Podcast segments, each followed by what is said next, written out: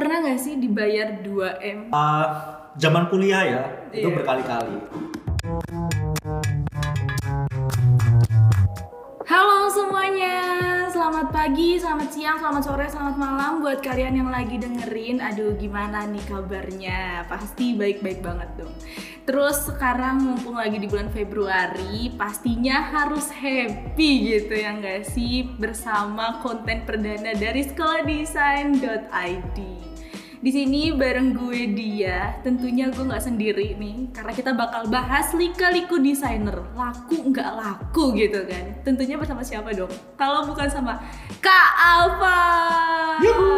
Waduh, udah kedengeran suara-suaranya nih ya. Boleh dong Kak Alfa perkenalan dulu. Halo semuanya, pendengar Hai. setia. Baik, pendengar setia sekolah desain konten perdana nih ya Kak. Perkenalkan nama saya Ava dan saya adalah salah satu mentor di sekolah desain. Wow. Jadi di sini kita bakal bahas lika-liku desainer ya nih Kak Alfa. Betul sekali Kak Dia. dan kita bakal ulik mengulik secara tajam dan mendalam tentang Kak Alfa, tentunya tentang pengalamannya gitu Oke, kan. mantap. Oke, sebagai seorang desainer nih, pernah nggak sih ada eh, teman atau customer gitu kan, kayak minta proyekan, tapi bayarnya seikhlasnya, tapi desainnya minta semaksimal mungkin. Pernah nggak sih ngerasain kayak gitu? Ya, sepertinya semua ya. Kalau saya lihat semua desainer pasti sekali atau dua kali atau mungkin berkali-kali pasti nemuin kasus yang kayak gini. Jadi dapat klien pengennya bayarnya yang murah tapi hasil desainnya yang wah gitu ya. Wow, Dan- udah berpengalaman nih ya. Iya, Kak? berpengalaman sekali. Jadi saya kan sudah eh, berkecimpung di dunia desain sudah lama banget dari eh, sebelum kuliah itu sudah eh, coba-coba di dunia desain dan pasti ya udah beberapa kali ya nemuin eh, klien-klien seperti ini. Tuh. Waduh. Jadi pernah dulu bikin logo makanan seperti itu kan. Dibayarnya seikhlasnya saja. Tapi si klien ini memberikan sebuah brief yang cukup rumit untuk saya. Waduh. Dan ini kalau saya pikir ya, kalau harga segini ini nggak mungkin dapat segitu ya. Jadi ya seperti itulah. Banyak sebenarnya. Bukan hanya saya saja sebenarnya, tapi desainer-desainer luar pasti juga problematikanya seperti ini. Apalagi di Indonesia. Jadi beberapa klien yang di Indonesia itu memang belum melek untuk masalah harga desain itu sendiri. Waduh, padahal eh, ngerjainnya lumayan rumit gitu Iya, ya. betul sekali. Dan sebenarnya mereka itu nganggapnya kita cuma eh, otak atik gatuk gitu ya istilahnya. Jadi kayak cuma nempel-nempel aja. Padahal eh, desainer-desainer juga perlu beberapa biaya untuk menunjang em, pembuatan desain. Kalau di logo itu bisa riset dulu, itu kan menghabiskan kuota dan lain sebagainya. Oke. Juga beli-beli software itu juga perlu. Dan yang paling mahal otomatis ide. Gitu. Iya betul ide sekali. itu mahal banget sih teman-teman. Gue mau nanya nih kak, pernah nggak sih dibayar 2M alias makasih matur nuwun? Kalau 2M eh, zaman kuliah ya itu Iya. berkali-kali. Karena memang saya eh, aktif gitu ya di organisasi. Biasanya teman-teman di luar organisasi saya itu minta tolong gitu ya. Istilahnya Oke. minta tolong 3M jadinya ya? dengan tanda kutip gitu ya. Oke tolongnya. oke oke. Jadi ya teman-teman tahu sendiri ya, sendirilah ya kalau semisal mahasiswa banyak kegiatan itu perlu adanya desain untuk promosi atau mungkin pamflet atau mungkin souvenir. Nah beberapa kali pas saya kuliah memang banyak sekali dimintai tolong seperti eh, bikin ini, bikin itu gitu ya. Bahkan ya saya pernah nemuin eh, teman gitu ya Hmm. dengan tanda kutip temannya itu sudah saya bikinkan desain dan lain sebagainya bilang makasih saja tidak gitu ya. Nah, Waduh. ini malah 0M Oh 0M ya berarti nggak ada Tidak. 2M 0M gitu. tidak ada MM-nya sama sekali Oh paling cuma satu M minta Iya, tolong. minta tolong malah dia gak minta tolong dia kayak dulu gitu eh bikinin aku gitu Oh, oke, Nggak oke, ada kata-kata oke. minta tolong Oke oke oke oke. Waduh tidak ada M-nya kosong bener-bener nol gitu teman-teman. Nah otomatis kan dengan masalah-masalah seperti ini Kak Alfa selaku desainer yang sudah berpengalaman gitu kan ya, gimana sih solusi untuk menghadapinya gitu? Nah ini eh, menurut pengalaman saya ya, karena beberapa desainer mungkin yang masih awam gitu ya, terus insecure dengan skillnya yang masih mungkin pemula dan akhirnya mereka juga banting harga.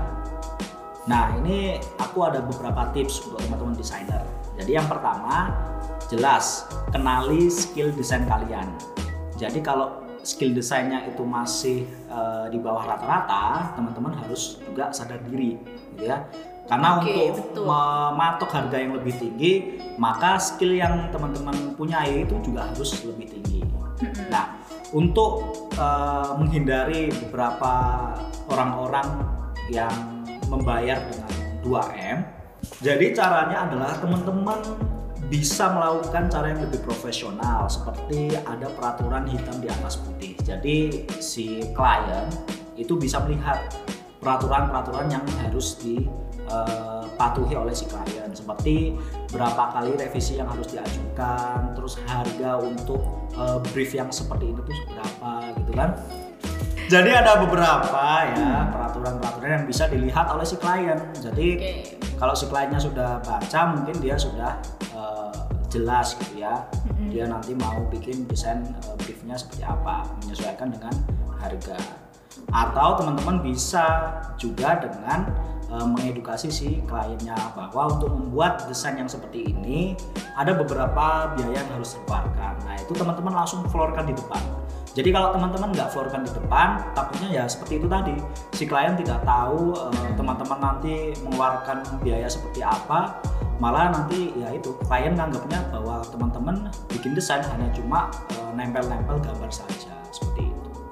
Kalau menurut saya eh, klien yang tidak membayar tentu saja tidak wajar karena eh, tidak ada yang gratis gitu ya di dunia ini. Waduh. Tapi tergantung nanti teman-teman sebagai desainer itu seperti apa tujuannya gitu ya. Jadi beberapa mungkin ada yang tujuannya masih belajar atau masih pemula atau ya yang tadi masih nyari klien, masih nyari Mm-mm. pasar. Mungkin eh, cara-cara seperti itu bisa dilakukan gitu ya, bisa eh, ambil harga murah atau mungkin bisa eh, apa ya namanya giveaway gitu ya Oke. giveaway desain yang gratis untuk menunjang nama si desainer itu boleh-boleh saja. Tapi jangan terlalu sering gitu ya.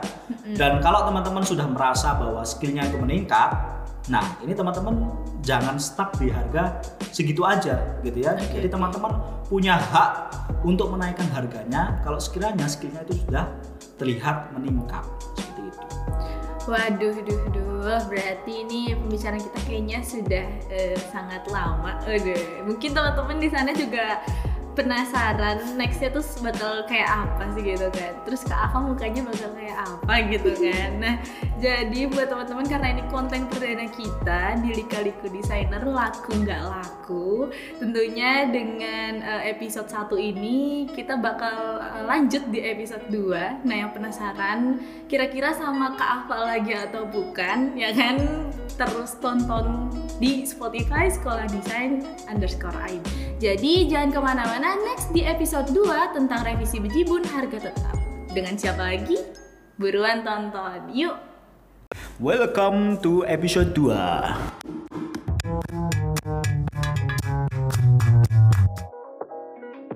Mantap. Halo semuanya, kembali lagi bersama sekolahdesain.id tentunya di segmen Rikaliku Designer Laku Nggak Laku. Hmm, tentunya masih bareng gue dia dan narasumbernya masih sama atau enggak ya? Kayaknya tadi udah denger ya suara-suara sedikit burung merpati. Oke, burung merpati.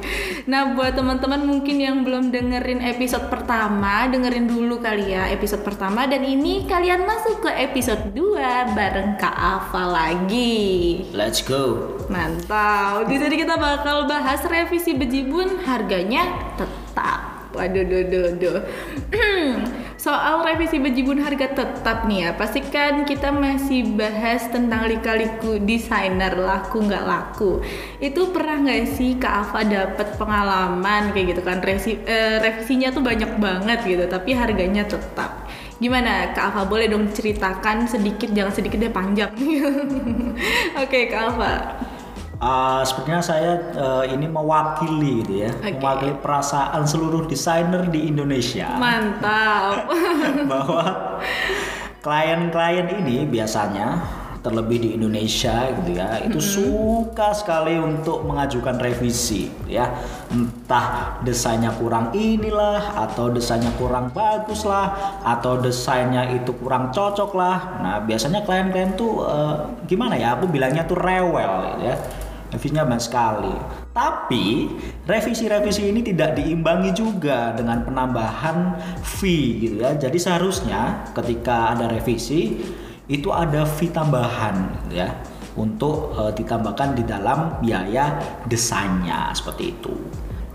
Hmm, ternyata gitu ya teman-teman. Nah, tentang revisi bejibun harga tetap ini masih ada hubungannya nggak sih sama H&M? Kalau H&M ini kan harganya mahal ya, tapi di sini alias tuh harga mahasiswa gitu.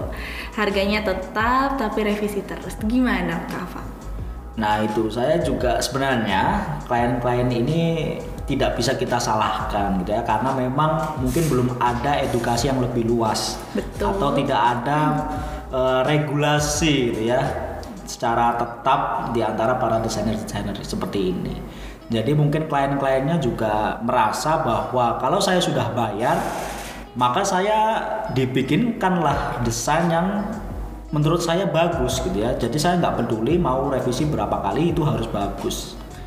Padahal oke. sebenarnya ya untuk melakukan revisi itu itu sebenarnya juga memerlukan tenaga dan juga biaya gitu ya. Kita perlu riset lagi, kita perlu eh, putar ide lagi, kita perlu eh, bikin kopi lagi itu kan. Oke, oke, oke, oke. Butuh ngecas laptop gitu Oke. kan. Ada tekanan batin nggak? Iya. Listriknya itu kan perlu dibayar gitu kan. Oke, oke, oke, Nah, oke. Jadi hal-hal kecil yang suka dilupakan gitu Betul kan. ya? Nah, kalau misalnya kayak gitu, apakah itu eh, apa namanya solusinya sama? Uh, sebenarnya solusinya itu sama. Kita itu harus uh, edukasi si kliennya bahwa untuk mengajukan revisi ya seperti itu ada kita sebenarnya uh, mengulang ya, mengulang mengulang proses dari awal kita desain sebenarnya kalau uh, klien-klien itu revisi. Kecuali kalau revisinya itu kecil. Oke, oke. Tapi terkadang ya memang seperti itu ya klien di Indonesia. Jadi kalau nggak cocok dengan kemauannya itu revisinya bukan hanya kecil gitu. Tapi mega besar, Aduh, aduh, aduh, raksasa ya. Bisa saja itu bukan revisi, tapi Ganti. bikin lagi. Biasanya seperti itu. Tapi bahasa halusnya oke, mereka oke, itu, oke. Mas aku minta revisi gitu ya. Tapi dirombak semua itu, itu Duh, bukan duh, revisi. duh. Bejibun sampai ubun-ubun itu mah. Oke, jadi teman-teman tipsnya tuh gampang banget tadi dari Kak Ava ya kan. Jadi boleh cari kenalan gitu ya Kak ya. Boleh cari pengalaman, tapi jangan terus-terusan nanti jadi ketagihan buat orang-orang. Gimana pun juga kalian harus punya ketentuan bagi diri kalian sendiri. Gimana sih cara personal branding kalian sendiri sebagai desainer gitu. Oke, mungkin kita bakal tutup podcast eh, kita kali ini tentang lika-liku desainer laku nggak laku. Mungkin ada satu pantun dari kali kali ya dari Kak Alfa gitu kan sebagai penutup episode kali ini gitu. Boleh Kak Alfa dijabarkan gitu pantunnya. Beli akar di pasar yang lain. Cakep. Kalau belajar ya di sekolah desain. Waduh, keren keren keren keren keren parah Kak Ava ya kan sebagai penutup dia menyampaikan pantun gitu kan. Nah, buat teman-teman yang udah dengerin episode kita kali ini dari episode 1 sampai 2 tentang Lika-Diku Desainer Laku Nggak Laku bersama Kak Ava, terima kasih banyak sudah mendengarkan kita sampai selesai, betul. Nah, em, Terakhir, jadi buat teman-teman yang mungkin penasaran sama sekolah desain bisa kunjungi juga di website kita yaitu adalah sekolahdesain.id. Nah, juga jangan lupa untuk follow TikTok ataupun Instagram dari sekolah desain yaitu sekolah desain underscore ID. Menutup perjumpaan kita kali ini bersama gue dia dan juga Kak Alfa. Sekolah desain, Desain, semua bisa bisa desain. Dah, sampai jumpa di next episode.